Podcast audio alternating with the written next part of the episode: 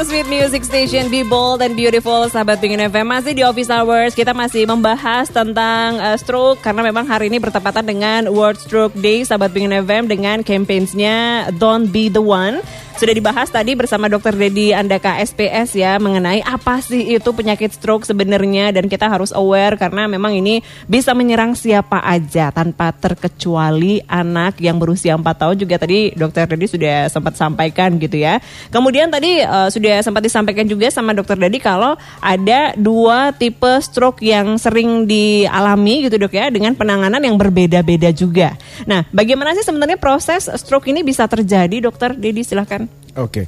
Nah, jadi uh, seperti tadi ada mm -hmm. dua tipe stroke, ada yang sumbatan maupun mm -hmm. yang pecah pembuluh darah. Mm -hmm. Jadi uh, kalau yang sumbatan itu tergantung risikonya. Mm -hmm. Ada seperti tekanan darah tinggi, misalnya oh, okay. kolesterol atau kencing manis, merokok. Nah, itu yang uh, perlahan-perlahan akan menimbulkan plak mm -hmm. atau uh, apa ya? Uh, tumpukan lah mm -hmm. kolesterol misalnya di pembuluh darah. Mm -hmm. Dan itu seiring waktu plak ini akan bertambah banyak dan ketika itu tersumbat, nah itulah muncul uh, gejala stroke. Mm. Berbeda misalnya dengan stroke uh, perdarahan, mm -mm. itu jenisnya macam-macam lagi. Ada okay. seperti kita bilang misalnya aneurisma. Aneurisma mm -mm. itu semacam ada balon mm -hmm. di dalam pembuluh darah. Jadi mm -hmm. pembuluh darah yang kayak pipa begitu. Yeah. Nah tiba-tiba ada balonnya dia di sana. Mm -hmm. Nah balon itulah yang kemudian seiring waktu misalnya pasien dengan tekanan darah tinggi mm -hmm. yang tidak terkontrol mm. Uh, balonnya itu tambah lama tambah besar mm -hmm. dan bisa pecah. Oke. Okay. Itu. Ya ya ya ya. Jadi beda-beda mm -hmm. uh, penanganannya pun akan berbeda mm -hmm. uh, sesuai penyebabnya atau etiologinya. Oke, okay, seperti itu ya. Jadi ya. memang uh, berdasarkan tipenya tersendiri memang beda dan penanganan penanganannya pun akan berbeda, Dok ya. ya. Betul. Nah, apa ada nggak sih bahaya kalau misalnya stroke ini tidak segera ditangani, Dok?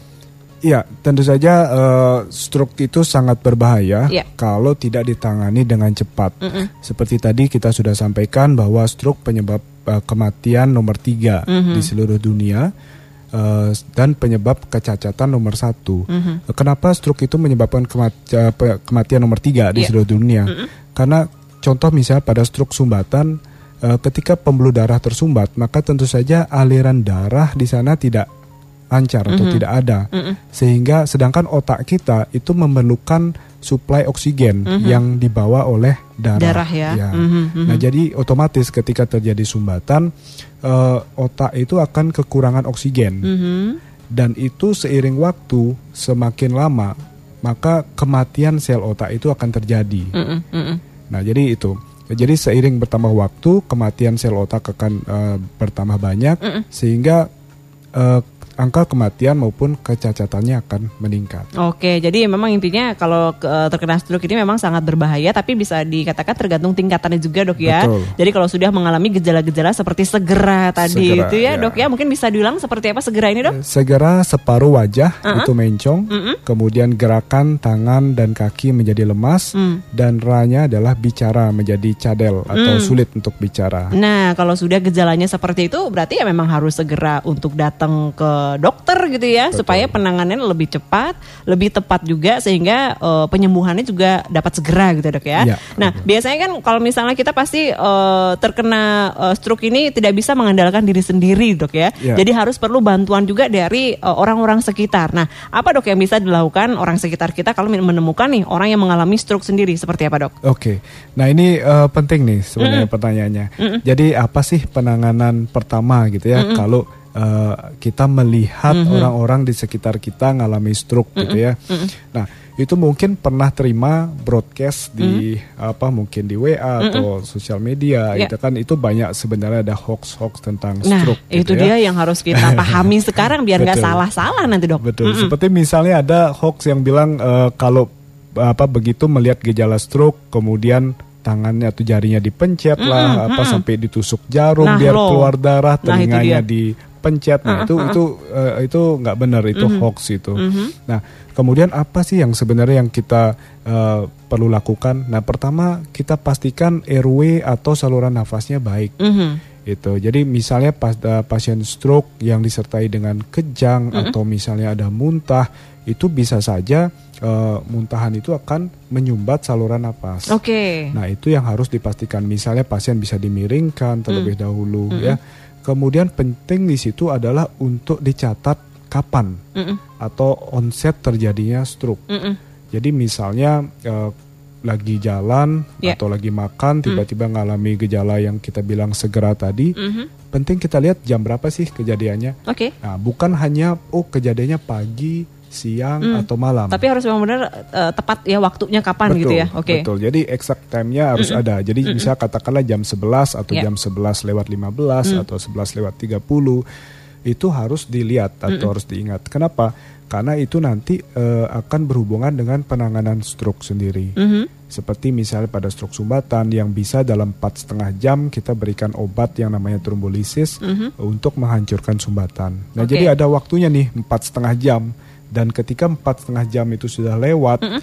uh, itu bahkan bisa katakanlah 8 jam itu obat trombolisis uh, sudah tidak bisa kita berikan lagi. Oh, ya ya Justru ya. berisiko. Berisiko kalau nantinya. kita berikan obat itu. Oke, nah, jadi waktunya benar-benar sangat benar, penting gitu ya. Jadi harus diketahui kapan terjadi uh, serangan stroke itu sendiri ya, Dok ya. ya. Mm -mm. Dan kemudian yang penting adalah segera bawa ke rumah sakit. Yeah segera bawa ke rumah sakit. Jadi penting uh, atau tips deh dari mm -mm, saya mm -mm. Uh, penting sebenarnya di handphone kita kita simpan satu emergency. Nah itu dia. Nah, nomor emergency mm -mm. rumah sakit yeah. mungkin yang dekat mm -hmm. dengan tempat uh, kita tinggal yeah, yeah, yeah. atau rumah sakit yang kita ketahui memiliki fasilitas-fasilitas untuk menangani stroke. Oke, atau nomor ambulansnya juga boleh Betul, gitu ya dok ya. ya. Seperti Siloam sudah ada ambulansnya sendiri yang siap uh, 24 jam bisa dibilang seperti itu. Ya. Dan yang paling penting adalah itu dia penanganannya adalah yang pertama uh, kita memastikan kalau uh, pernafasannya masih bagus Betul. gitu ya. Bila perlu dimiringkan ke kiri ke kanan dok.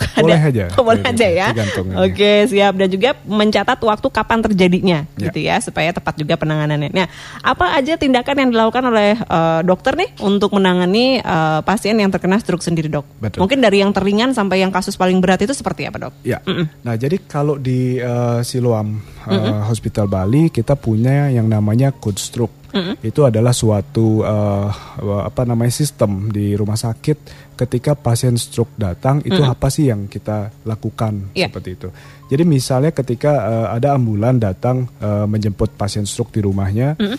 uh, ketika dokter di sana sudah melihat udah ngecek wah ini gejalanya stroke nih. Mm -mm. Nah jadi dokter itu sudah menghubungi uh, tim uh, stroke yang ada di rumah sakit mm -hmm. untuk mengaktifkan yang namanya code stroke mm -mm. sehingga uh, satu tim yang di rumah sakit itu sudah siap. Oke. Okay. Jadi pasien datang mm -mm. kemudian untuk dilakukan pemeriksaan lanjutan mm -hmm. untuk memastikan apa sih jenis stroke tadi. Mm -hmm. Nah, mm -hmm. itu bisa dilakukan dengan pemeriksaan imaging mm -hmm. seperti misalnya CT scan kepala, okay. kemudian MRI. Mm -hmm. Nah, itu untuk memastikan uh, jenis dari stroke. Stroke-nya ya. Oke. Okay.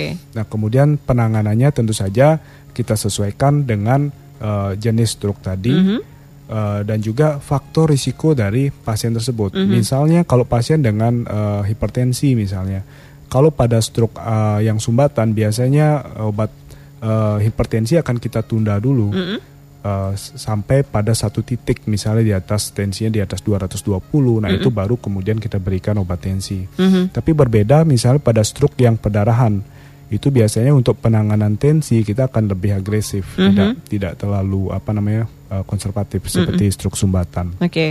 Dan juga penanganan uh, apa namanya penyebab yang lain seperti mm -mm. misalnya kalau ada kencing manis Nah itu kita beda uh, juga beda ya juga penanganannya atau kolesterol, okay. nah mm -mm. seperti itu mm -mm. Uh, sesuaikan dengan faktor risikonya. Oke, okay, jadi benar-benar memang detail gitu ya dokter ya dari uh, penyebabnya sendiri berbeda uh, tentunya penanganannya gitu ya. ya nah betul. kalau misalnya seseorang sudah mengalami stroke nih dok, apa yang dialami seseorang yang setelah mengalami stroke ini? Apakah stroke ini bisa sembuh secara total atau mungkin istilahnya setelah diobati apa bisa kambuh lagi atau bagaimana dok? Ya, nah jadi uh, stroke itu bisa sembuh mm -mm. total. Itu Oke, okay, bisa. bisa sembuh total ya. ya okay. Jadi kalau zaman dulu mungkin uh, orang bilang kalau udah kena stroke nggak bisa sembuh, nah, iya, nah itu benar. udah udah udah harapan hidupnya udah nggak ada seperti itu ya. Seperti memupuskan harapan. Nah gitu. itu dia jadi patah semangat pasien-pasien stroke ini. Seperti nah, apa dok? Jadi bisa bisa sembuh mm -hmm. uh, sempurna tanpa gejala mm -hmm. gitu ya uh, asalkan tadi tergantung dari uh, berat ringannya stroke mm -hmm. karena pembuluh darah kita ini kan juga ada pembuluh darah yang besar, yeah.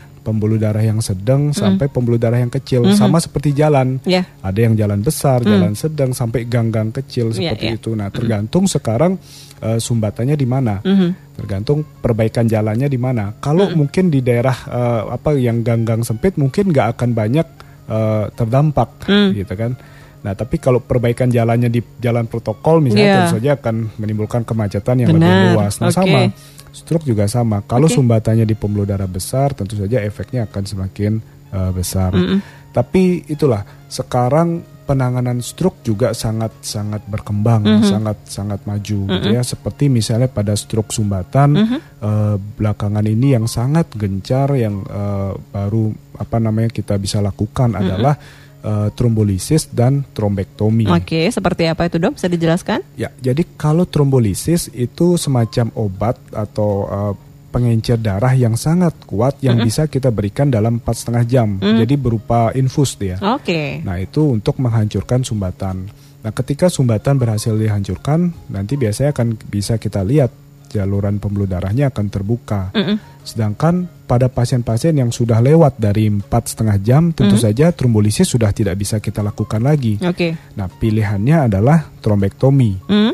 Trombektomi ini sendiri merupakan suatu em, apa ya metode invasif minimal invasif kita laku- bilang eh, itu melalui kateter atau selang kecil yang kita masukkan biasanya lewat pangkal paha pembuluh darah di Ah. pangkal paha. Ya. Nah dari kateter itulah kemudian kita akan bawa naik ke daerah eh, leher, kemudian ke daerah pembuluh darah otak di tempat sumbatan itu terjadi Oke, lebih rumit ya dok ya? lebih rumit. Oh, Dan itu semua eh, kita kontrol dari pangkal paha. Oh, Oke. Jadi kita tidak em, ada menggunakan pisau untuk Ah, oke. membuka kepala Oh, jadi itu. tidak ada pembedahan. Tidak ada pembedahan. Jadi Siap. hanya menggunakan eh, semacam jarum kecil untuk akses masuknya. Mhm. Dan ketika jarum sudah terpasang, kita menggunakan kateter yang juga sangat kecil dan sangat halus sehingga tidak akan melukai pembuluh darah.